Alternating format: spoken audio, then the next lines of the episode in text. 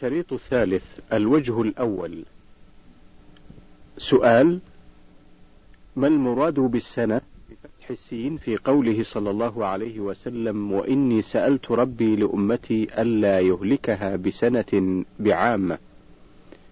جواب المراد بالسنة هنا الجدب والقحط الذي يكون به الهلاك العام. سؤال ما معنى قوله وألا يسلط عليهم عدوا من سوى أنفسهم فيستبيح بيضتهم. جواب المعنى وأني سألت ربي لأمتي ألا يسلط عليهم عدوا من غيرهم من الكفار فيستولي عليهم. سؤال وهل أعطاه الله ذلك؟ وما, معنى وما معنى بيضتهم؟ وما هي أقطار الأرض في قوله ولو اجتمع عليهم من بأقطارها؟ جواب نعم أخبر الله صلى أخبر صلى الله عليه وسلم أن الله لا يسلط العدو على كافة المسلمين حتى يستولي على جميع ما حازوه من البلاد والأرض وهو معنى بيضتهم وقيل بيضتهم معظمهم وجماعتهم وإن قلوا ولو اجتمع عليهم من بأقطار الأرض وهي جوانبها. سؤال ما معنى قوله حتى يكون يهلك يهلك بعضهم بعضا ويسبي بعضهم بعضا. وهل حصل هذا؟ جواب المعنى أن الله لا يسلط الكفار على معظم المؤمنين وجماعتهم ما داموا متمسكين بدينهم ومجتمعين عليه. أما إذا حصل التفرق والاختلاف فيما بينهم والقتل والسبي من بعضهم لبعض فقد يسلط الكفار عليهم. فقد يسلط الكفار عليهم. وقد حصل هذا فسلط بعضهم على بعض كما هو الواقع بسبب اختلافهم وتفرقهم في الدين فانشغلوا بذلك عن جهاد العدو فسلط عليهم. سؤال ما معنى قوله صلى الله عليه وسلم عن ربه إني إذا قضيت قضاء فإنه لا يرد جواب يعني إذا حكمت حكما مبرما نافذا وقدرت قدرا فإنه لا يرد بشيء ولا يقدر أحد على رده كما قال صلى الله عليه وسلم ولا راد لما قضيت.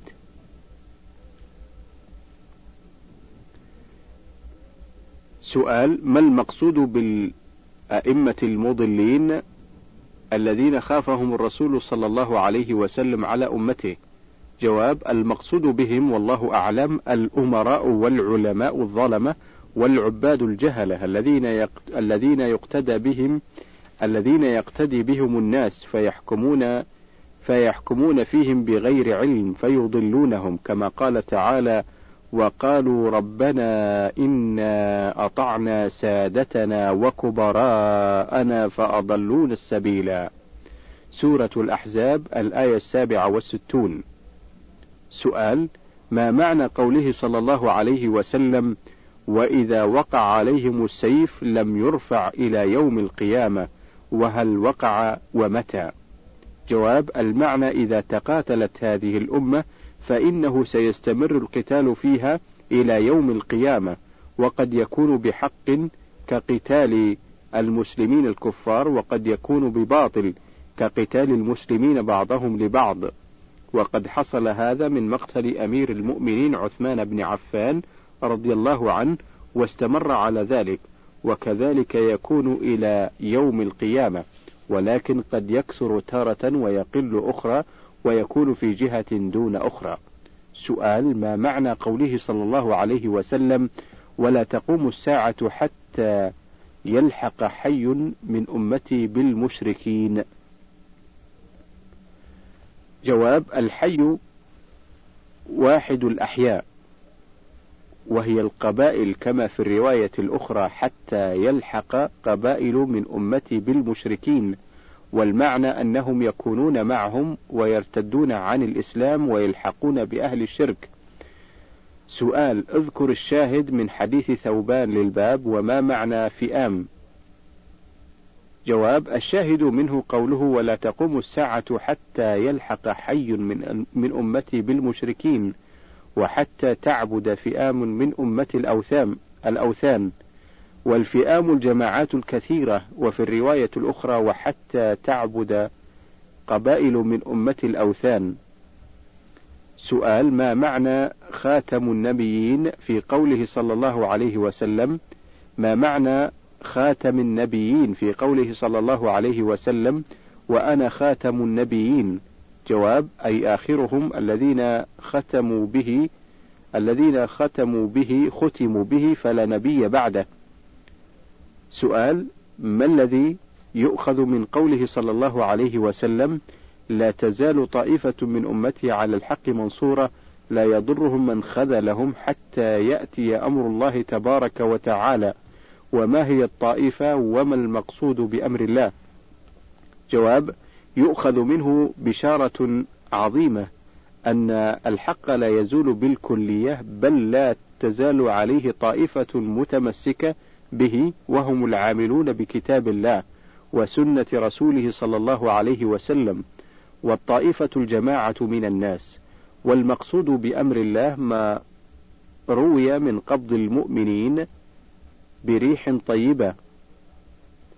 ووقوع علامات الساعة العظام حتى لا يبقى إلا شرار الناس فعليهم تقوم الساعة والله أعلم. أربعة وعشرون باب ما جاء في السحر أي من الوعيد فيه والتحذير منه. سؤال ما وجه إدخال باب السحر في كتاب التوحيد؟ جواب لأن كثيرا من أقسامه لا يتأتى إلا بالشرك المنافي للتوحيد. سؤال كيف دخل السحر في الشرك؟ جواب دخل فيه من جهتين. واحد من جهة ما فيه من استخدام الشياطين ومن التعلق بهم. اثنان ومن جهة ما فيه من ادعاء علم الغيب الذي استأثر الله بعلمه. سؤال عرف السحر لغة وشرعا. جواب السحر لغة عبارة عما خفي ولطف سببه. وشرعا عزائم ورقى وعقد وأعمال تؤثر في القلوب والأبدان فيمرض ويقتل ويفرق بين المرء وزوجه. فيمرض ويقتل ويفرق بين المرء وزوجه. سؤال اذكر حكم السحر وحد الساحر مع ذكر الدليل. جواب السحر محرم لأنه كفر بالله مناف للإيمان والتوحيد. قال تعالى وما يعلمان من أحد حتى يقولا إنما نحن فتنة فلا تكفر. وحد الساحر القتل والدليل على ذلك واحد ما روي عن جندب مرفوعا حد الساحر ضربه بالسيف رواه الترمذي موقوفا. اثنان ما روي عن عمر بن الخطاب أنه كتب إلى عماله أن يقتلوا كل ساحر وساحرة رواه البخاري في صحيحه. ثلاثة ما صح عن حفصة أم المؤمنين أنها أمرت بقتل جارية لها سحرتها فقتلت. الهامش رواه مالك في الموطأ. انتهى الهامش. فصح قتل الساحر عن ثلاثة من أصحاب النبي صلى الله عليه وسلم وهم عمر وابنته حفصة وجندب. قال تعالى ولقد علموا لمن اشتراه ما له في الآخرة من خلاق سورة البقرة الآية الثانية بعد المئة. سؤال بين مرجع الضمير في علموا واشتراه وما هو الخلاق؟ اشرح هذه الآية واذكر ما يستفاد منها. جواب مرجع الضمير في علموا إلى اليهود وفي اشتراه إلى السحر أي اختاره واستبدله بكتاب الله. والخلاق النصيب يقول تعالى ولقد علم اليهود الذين استبدلوا بالسحر عن متابعة الرسول صلى الله عليه وسلم أن الساحر لا نصيب له في الآخرة وتفيد الآية تحريم السحر ووعيد الساحر. قال تعالى يؤمنون بالجبت والطاغوت سورة النساء الآية الواحدة والخمسون. سؤال ما المراد بالجبت والطاغوت؟ جيم تقدم معناهما في الباب الذي قبل هذا وقال عمر بن الخطاب الجبت السحر والطاغوت الشيطان. وقال جابر الطواغيت كهان كان ينزل عليهم الشيطان في كل حي واحد. سؤال ما معنى قول جابر هذا وما هو الحي؟ جواب أراد أن الكهان من الطواغيت تنزل عليهم الشياطين فيخاطبونهم ويخبرونهم بما يسترقون من السمع. وقوله في كل حي واحد الحي واحد الأحياء وهي القبائل أي في كل قبيلة كاهن يتحاكمون إليه. عن أبي هريرة رضي الله عنه أن رسول الله صلى الله عليه وسلم قال اجتنبوا السبع الموبقات قالوا يا رسول الله وما هن؟ قال الشرك بالله والسحر وقتل النفس التي حرم الله إلا بالحق وأكل الربا وأكل مال اليتيم والتولي يوم الزحف وقذف المحصنات الغافلات المؤمنات متفق عليه. سؤال ما معنى اجتنبوا وما هي الموبقات ولماذا سميت بهذا الاسم؟ جواب اجتنبوا ابتعدوا والموبقات المهلكات وسميت موبقات لأنها تهلك فاعلها في الدنيا بما يترتب عليها من العقوبات وفي الآخرة من العذاب. سؤال عرف الشرك بالله ولماذا بدأ به؟ واذكر الشاهد من الحديث للباب. جواب الشرك بالله نوعان. واحد شرك أكبر وهو صرف أي نوع من أنواع العبادة لغير الله كالدعاء والخوف والذبح والنذر. اثنان وشرك أصغر وهو كل وسيلة تؤدي إلى الشرك الأكبر من الإرادات والأقوال والأفعال التي لم تبلغ رتبة العبادة كالرياء والحلف بغير الله. وبدأ بالشرك لأنه أعظم الذنوب. والشاهد من الحديث للباب قوله والسحر وتقدم تعريفه وحكمه. سؤال ما المقصود بقتل النفس التي حرم الله؟ وما هو الحق الذي يبيح قتل النفس؟ جواب المقصود بالنفس التي حرم الله قتلها المقصود بالنفس التي حرم الله قتلها هي نفس المسلم المعصوم والمعاهد والحق الذي يبيح قتل النفس هو أن تعمل ما يوجب قتلها كالشرك والردة بعد الإسلام والنفس بالنفس القصاص والزنا بعد الإحصان الزواج. سؤال عرف الربا وما المقصود بأكله؟ جواب الربا لغة الزيادة وشرعا زيادة في أشياء مخصوصة والمقصود بأكله تناوله على أي وجه كان. سؤال ما المراد بأكل مال اليتيم ولماذا عبر بالأكل؟ جواب المراد بأكل مال اليتيم التعدي فيه ظلما وعبر بالأكل لأنه أعم وجوه الانتفاع واليتيم الذي مات أبوه وهو صغير لم يبلغ. سؤال ما معنى التولي يوم الزحف ومتى يكون كبيرة؟ جواب معنى التولي يوم الزحف الإدبار والفرار عن الكفار وقت التحام القتال.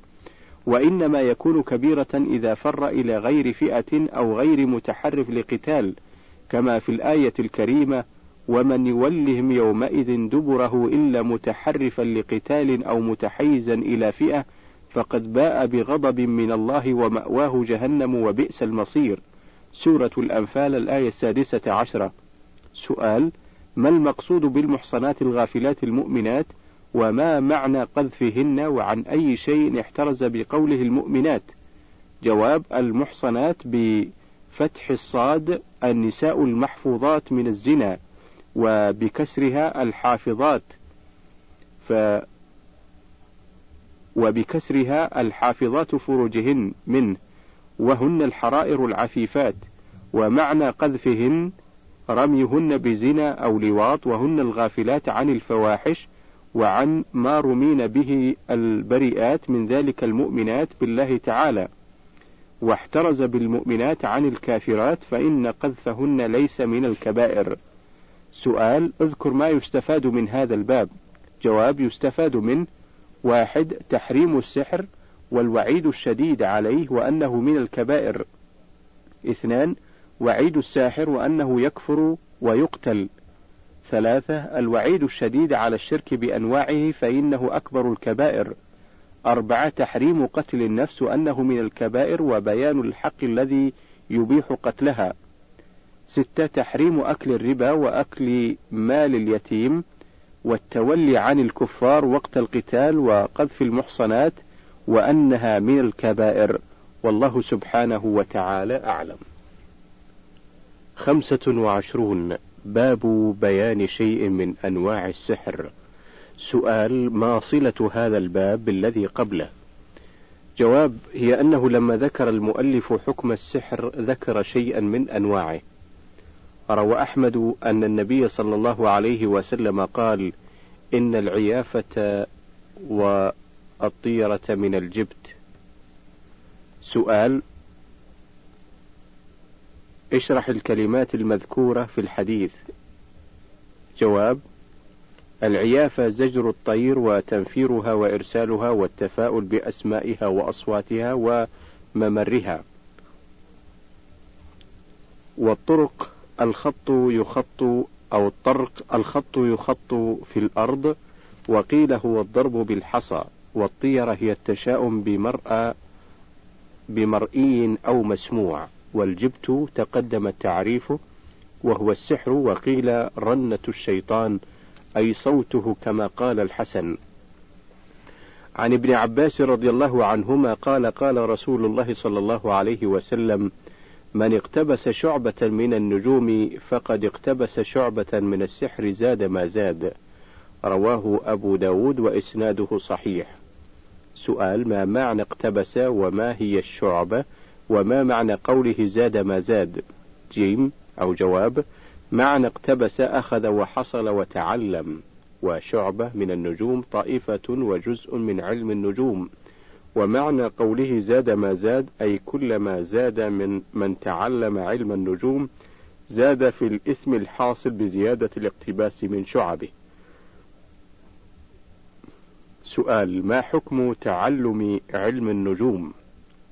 جواب هو على قسمين جائز ومحرم. فالجائز ما يدرك بطريق المشاهدة كالاستدلال بالشمس والقمر والنجوم على أوقات الصلاة وجهة القبلة ونحو ذلك. والمحرم ما يدعيه أهل التنجيم من معرفة الحوادث التي لم تقع كمجيء الأمطار ووقت هبوب الرياح وتغير الأسعار وغير ذلك مما استأثر الله بعلمه ولا يعلمه أحد غيره. وللنسائي من حديث أبي هريرة من عقد عقدة ثم نفث فيها فقد سحر ومن سحر فقد أشرك ومن تعلق شيئا وكل إليه. سؤال ما المقصود بالعقدة وما هو النفث وما الذي يؤخذ من قوله ومن سحر فقد أشرك وما معنى قوله من تعلق شيئا وكل إليه جواب العقدة جمعها عقد وهي ما يعقده الساحر. وبيان ذلك أن السحرة إذا أرادوا السحر عقدوا الخيوط ونفثوا فيها على كل عقدة حتى ينعقد ما يريدون من السحر. والنفث هو النفخ مع ريق وهو دون التفل. ويؤخذ من قوله ومن سحر فقد أشرك أن الساحر مشرك. ومعنى قوله من تعلق شيئا وكل إليه أي من تعلق قلبه بشيء بحيث يعتمد عليه ويرجوه وكله, وكله الله إلى ذلك الشيء. وعن ابن مسعود رضي الله عنه أن رسول الله صلى الله عليه وسلم قال ألا هل أنبئكم ما العض ما العضة؟ هي النميمة. القال بين الناس. قال ألا هل أنبئكم ما العظة؟ هي النميمة القالة بين الناس. رواه مسلم. سؤال ما معنى ألا هل أنبئكم وما المقصود بالعض وما هي النميمة؟ وبين حكمها؟ وما وجه ذكرها في أنواع السحر؟ وما معنى القال بين الناس؟ جواب ألا أداة تنبيه وهل أداة استفهام وأنبئكم أخبركم والعضى في الأصل البهت أو البهت والمراد بها هنا النميمة وهي نقل الكلام بين الناس على جهة الإفساد بينهم وهي من الكبائر ووجه ذكرها في أنواع السحر أن النمام يقصد الأذى بكلامه وعمله على وجه المكر والحيلة فأشبهت السحر لمشاركتها له في التفريق بين الناس. والقالة بين الناس هي كثرة القول وإيقاع الخصومة بين الناس بما يحكي لبعضهم بما يحكى لبعضهم عن بعض. عن ابن عمر رضي الله عنهما أن رسول الله صلى الله عليه وسلم قال إن من البيان لسحرا متفق عليه. سؤال ما هو البيان؟ واذكر أنواعه ولماذا شب شبه بالسحر؟ جواب البيان اجتماع الفصاحة وذكاء القلب. البيان اجتماع الفصاحة وذكاء القلب مع اللسان وإنما شبه بالسحر لشدة عمله في سامعه وسرعة قبول القلب له. والبيان على نوعين مذموم وممدوح فالمذموم هو الذي يجعل الحق في صورة الباطل والباطل في صورة الحق. يستميل صاحبه يستميل صاحبه قلوب الجهال حتى يقبل حتى يقبل الباطل وينكر الحق وهذا هو المقصود في الحديث. والممدوح هو الذي يوضح الحق ويقرره ويبطل الباطل ويبينه. سؤال اذكر ما يستفاد من هذا الباب. جواب يستفاد منه. واحد تحريم تعلم علم النجوم لمن يدعي به معرفة علم الغيب وأن ذلك من السحر. اثنان أن الساحر مشرك لأنه لا يتأتى السحر إلا بالشرك. ثلاثة أن عقد الخيوط والنفث فيها من السحر. أربعة أن النميمة من السحر. خمسة أن بعض الفصاحة من السحر. والله سبحانه وتعالى أعلم. ستة وعشرون باب ما جاء في الكهان ونحوهم سؤال ما مناسبة هذا الباب لكتاب التوحيد؟ جواب هي أن الكهانة لا تخلو من الشرك المنافي للتوحيد. سؤال كيف دخلت الكهانة في الشرك؟ جواب دخلت فيه من جهتين. واحد من جهة دعوى مشاركة الله في علم الغيب الذي اختص به. اثنان ومن جهة التقرب إلى غير الله كاستخدام الشياطين والاستعانة بهم. روى مسلم في صحيحه عن بعض أزواج النبي صلى الله عليه وسلم عن النبي صلى الله عليه وسلم قال من أتى عرافا فسأله عن شيء فصدقه لم تقبل له صلاة أربعين يوما. وعن أبي هريرة رضي الله عنه أن النبي صلى الله عليه وسلم قال من أتى كاهنا فصدقه بما يقول فقد كفر بما أنزل على محمد صلى الله عليه وسلم رواه أبو داود وللأربعة والحاكم وقال صحيح على شرطهما عن أبي هريرة من أتى عرافا أو كاهنا فصدقه بما يقول فقد كفر بما أنزل على محمد صلى الله عليه وسلم. سؤال: ما المراد بالمنزل على محمد صلى الله عليه وسلم؟ جواب: الكتاب والسنة.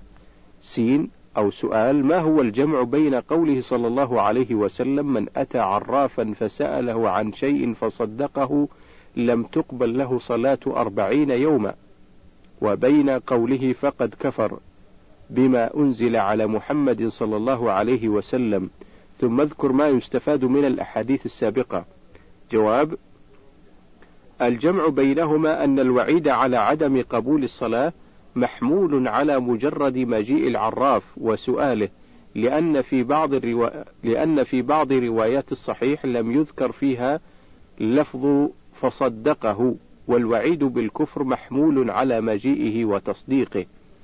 ما يستفاد من الأحاديث: واحد كفر الكاهن والعراف ونحوهما لأنهم يدعون علم الغيب الذي استأثر الله بعلمه. اثنان تحريم إتيان الكهان ونحوهم وسؤالهم وتصديقهم والوعيد الشديد على ذلك. ثلاثة كفر من يأتيهم ويصدقهم. أربعة أنه لا يجتمع تصديق الكاهن مع الإيمان بالقرآن.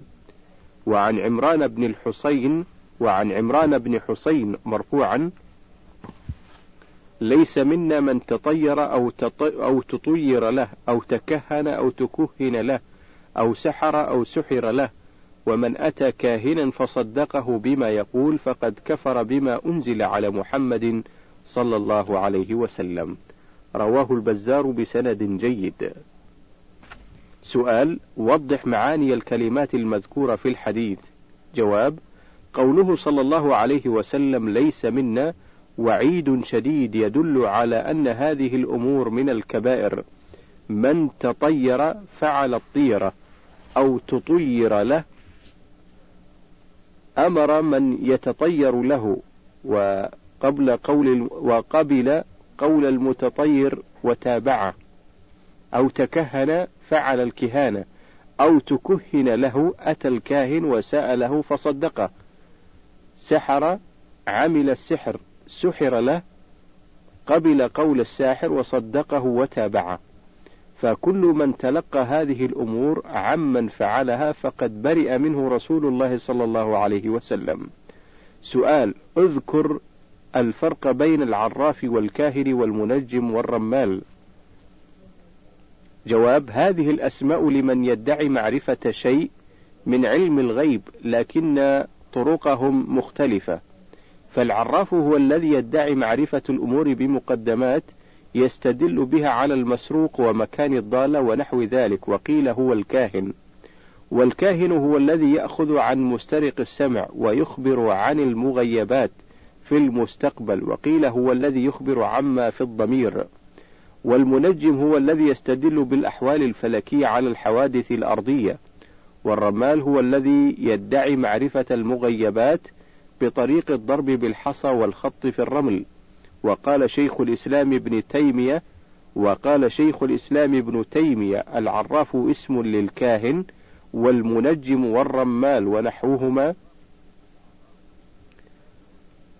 العراف اسم للكاهن والمنجم والرمال ونحوهم ممن يتكلم في معرفة الأمور بهذه الطرق.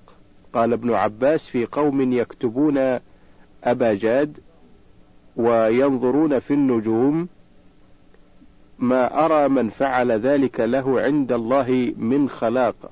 رواه الطبراني وإسناده ضعيف. سؤال ما المقصود بتعلم أبا جاد؟ وما حكم تعلمه؟ وما هو الخلاق؟ وما معنى قول ابن عباس هذا؟ جواب المقصود به معرفة حساب الجمل فيقطعون حروف أبجد هوز حطي كلم إلى آخره. فيجعلون الألف عن واحد والباء عن اثنين والجيم عن ثلاثة والدال عن أربعة إلى نهاية الحرف العاشر. ثم يبدأون بالكاف من كلم فيجمعونها عن عن عشرين واللام عن ثلاثين وهكذا إلى أن تتم حروف هذه الكلمات. وتعلمها على نوعين حرام وجائز. فالحرام لمن يدعي بتعلمها معرفة علم الغيب والجائز لمن يتعلمها للهجاء وحساب الجمل والخلاق النصيب. ويقول ابن عباس ما أعلم أو ما أظن أن من يكتب هذه الحروف ويتعلمها وينظر في النجوم ويعتقد أنها أن لها تأثيرا في الكون ما أظن أن له عند الله نصيبا في الآخرة. والله سبحانه وتعالى أعلم. سبعة وعشرون. باب ما جاء في النشرة.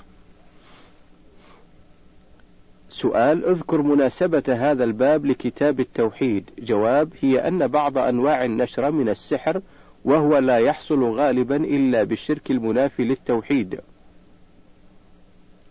سؤال عرف النشرة لغة وشرعا ولماذا سميت بهذا الاسم؟ جواب النشرة لغة الكشف والإزالة. وشرعا حل السحر عن المسحور بنوع من العلاج والرقية سميت نشرة لأنها لأنه ينشر بها عنه عما خامره عنه ما خامره من الداء أي يكشف أي يكشف ويزال. سؤال اذكر ما قيل في النشرة وكيف تجمع بين هذه الأقوال وبين أنواع النشرة وحكم كل نوع. جواب واحد عن جابر رضي الله عنه أن رسول الله صلى الله عليه وسلم سئل عن النشرة فقال هي من عمل الشيطان. رواه أحمد بسند جيد وأبو داود. وقال سئل أحمد عنها فقال ابن مسعود يكره هذا كله. أي يكره النشرة التي هي من عمل الشيطان. اثنان سعيد بن المسيب يقول لا بأس بها إنما يريدون بها الإصلاح رواه البخاري عن قتادة. ثلاثة وروي عن الحسن البصري أنه قال لا يحل السحر إلا إلا ساحر. الهامش ذكره ابن الجوزي في جامع المسانيد. والجمع بين هذه الأقوال أن النشرة حل السحر عن المسحور نوعان. واحد حل حل بسحر مثله وهو وهو الذي من عمل الشيطان وعليه يحمل قول الحسن وهذا النوع محرم. اثنان النشرة بالرقية والتعوذات والأدوية والدعوات المباحة فمثل هذا جائز وعليه يحمل قول سعيد بن المسيب. وفي البخاري عن قتادة قلت لابن المسيب رجل به طب أو يؤخذ عن امرأته أيحل عنه أيحل عنه أو ينشر؟ قال لا بأس به إنما يريدون به الإصلاح فأما ما ينفع فلم ينه عنه. انتهى.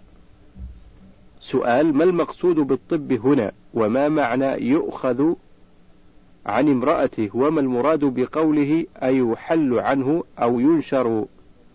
فقال لا بأس به إنما يريدون به الإصلاح. جواب المقصود بالطب هنا السحر. ومعنى يؤخذ عن امرأته يحبس عنها فلا يصل إلى جماعها. والمراد بقوله أيحل عنه أي ينقض عنه السحر أو ينشر عنه أو ينشر أي يكشف ويزال عنه. فقال لا بأس به يعني أن النشرة لا بأس بها لأنهم يريدون بها الإصلاح وهو إزالة السحر ولم ينهى عما يراد به الإصلاح وهذا محمول على النشرة الخالية من السحر كما تقدم والله أعلم. ثمانية وعشرون. باب ما جاء في التطير أي من النهي عنه والوعيد عنه والوعيد فيه. سؤال. اذكر مناسبة هذا الباب لكتاب التوحيد. جواب هي أن الطيرة من الشرك المنافي للتوحيد أو لكمالها الواجب لما فيها من تعلق القلب بغير الله. سؤال عرف التطير واذكر حكمه. جواب التطير هو التشاؤم بمرئي أو مسموع من الطيور ونحوها وحكمه التحريم لأنه من الشرك. قال تعالى ألا إنما طائرهم عند الله ولكن أكثرهم لا يعلمون. سورة الأعراف الآية الواحدة والثلاثون بعد المئة. وقال تعالى قالوا طائركم معكم. سورة ياسين آية تسعة عشر. سؤال اشرح هاتين الآيتين وبين مناسبتهما للباب.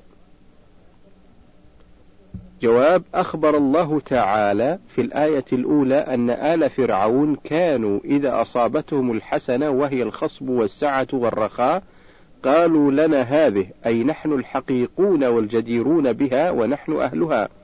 وإن تصبهم سيئة أي بلاء وقحط تطيروا بموسى ومن معه فيقولون هذا بسبب موسى وأصحابه. فقال تعالى ألا إنما طائرهم؟ أي ما قضي عليهم وقدر لهم عند الله أي بحكمه بحكمه وقضائه بسبب كفرهم وتكذيبهم لآيات الله ورسله. ولكن أكثرهم لا يعلمون لا يفهمون ولو فهموا وعقلوا لعلموا أنه ليس فيما جاء به موسى عليه السلام إلا الخير والبركة والسعادة والفلاح لمن آمن به واتبعه. وقوله تعالى قالوا طائركم معكم المعنى والله أعلم حظكم وما نالكم من شر معكم بسبب أفعالكم وكفركم ليس من أجلنا ولا بسببنا. ومناسبة الآيتين للباب أنهما دلتا على أن التطير من أعمال الكفار وقد ذمهم الله به ومقتهم عليه. عن أبي هريرة رضي الله عنه أن رسول الله صلى الله عليه وسلم قال لا عدوى ولا طيرة ولا هامة ولا صفر أخرجاه زاد مسلم ولا نوء ولا غول سؤال بين معاني الكلمات المذكورة في الحديث وبين الشاهد منه للباب. جواب: ينفي الرسول صلى الله عليه وسلم ما كان عليه أهل الجاهلية وما كانوا يعتقدون من أن هذه الأشياء تؤثر بنفسها من غير إرادة الله. العدوى انتقال المرض من المريض إلى الصحيح، وكانت العرب في الجاهلية تعتقد أن المرض يعدي بطبعه من غير تقدير الله تعالى. الطيرة سبق تعريفها وهي الشاهد من الحديث للباب.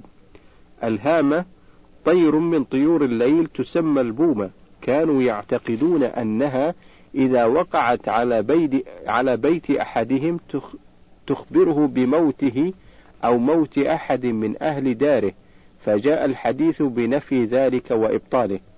صفر قيل هو شهر صفر كان أهل الجاهلية يتشاءمون به وقيل صفر دواب تخرج في البطن تهيج عند الجوع وربما قتلت يعتقدون أنها أعدى من الجرب فأبطل النبي صلى الله عليه وسلم ذلك. النوء موضع سقوط الكوكب وقيل هو الكوكب أي النجم كانوا ينسبون إليه نزول المطر. الغول واحد الغيلان وهو جنس من الشياطين. الغول واحد الغيلان وهو جنس من الشياطين كانوا يعتقدونها كانوا يعتقدون أنها تتعرض لهم في الطريق فتضلهم عنه وتهلكهم فنفى النبي صلى الله عليه وسلم ذلك بمعنى أنها لا تستطيع أن تضل أن تضل أحدا مع ذكر الله تعالى والتوكل عليه. عن أنس بن مالك رضي الله عنه قال قال رسول الله صلى الله عليه وسلم: لا عدوى ولا طيرة ويعجبني الفأل قالوا وما الفأل؟ قال الكلمة الطيبة متفق عليه. ولأبي داود بسند صحيح عن عقبة بن عامر قال ذكرت الطيرة عند رسول الله صلى الله عليه وسلم فقال أحسنها الفأل ولا ترد مسلما فإذا رأى أحدكم ما يكره فليقل اللهم لا يأتي بالحسنات إلا أنت ولا يدفع السيئات إلا أنت ولا حول ولا قوة إلا بالله ولا حول ولا قوة إلا بك. سؤال كم أنواع الطيرة وما هي؟ وما هو الفأل؟ وما الفرق بينه وبين الطيرة جواب الطيرة نوعان أحدهما الفأل وهو الكلمة الطيبة أي الكلام الحسن يسمعه الإنسان فيسره. ويقوي رجاء ويقوى رجاؤه وثقته بالله تعالى وهو محمود لأنه حسن, الظن بالله. ومثاله أن يكون الإنسان مريضا فيسمع رجلا يقول يا سالم أو يكون فاقدا ضالة فيسمع آخر يقول يا واجد.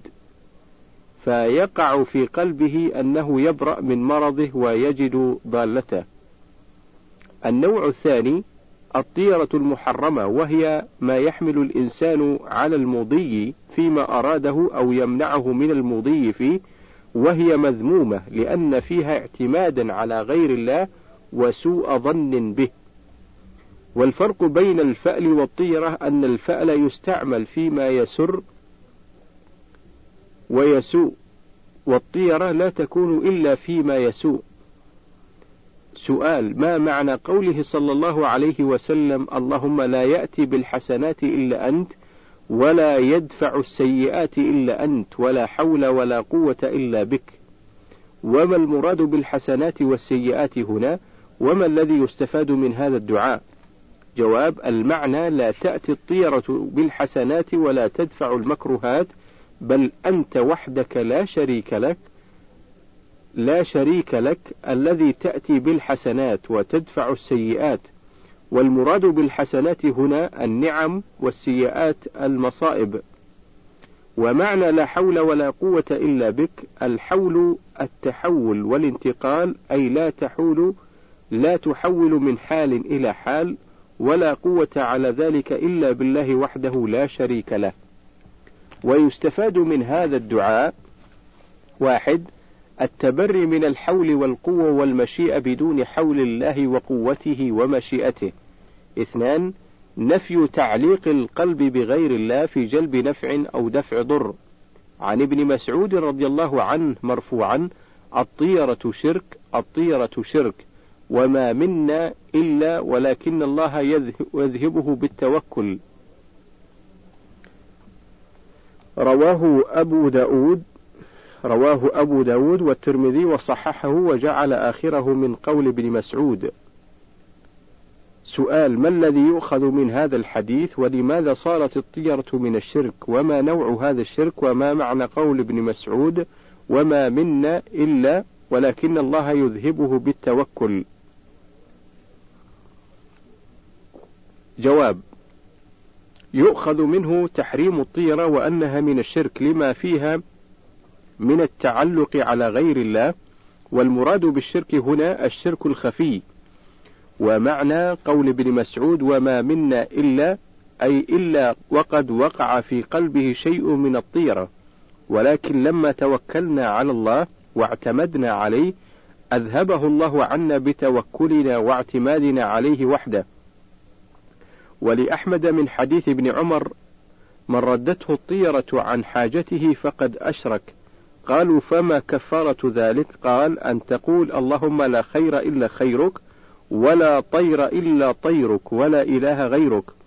وله من حديث الفضل بن عباس رضي الله عنه إنما الطيرة ما أمضاك أو ردك. سؤال ما معنى هذا الحديث وما الذي يتضمن؟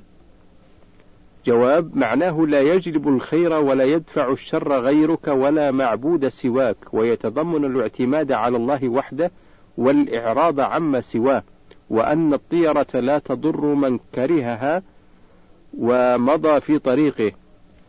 وقوله إنما الطيرة ما أمضاك أو ردك هذا بيان الطيرة المنهي عنها أنها ما يحمل الإنسان على المضي فيما أراد أو يمنعه من المضي فيه كما تقدم. والله سبحانه وتعالى أعلم. انتهى الوجه الأول وننتقل إلى الوجه الثاني.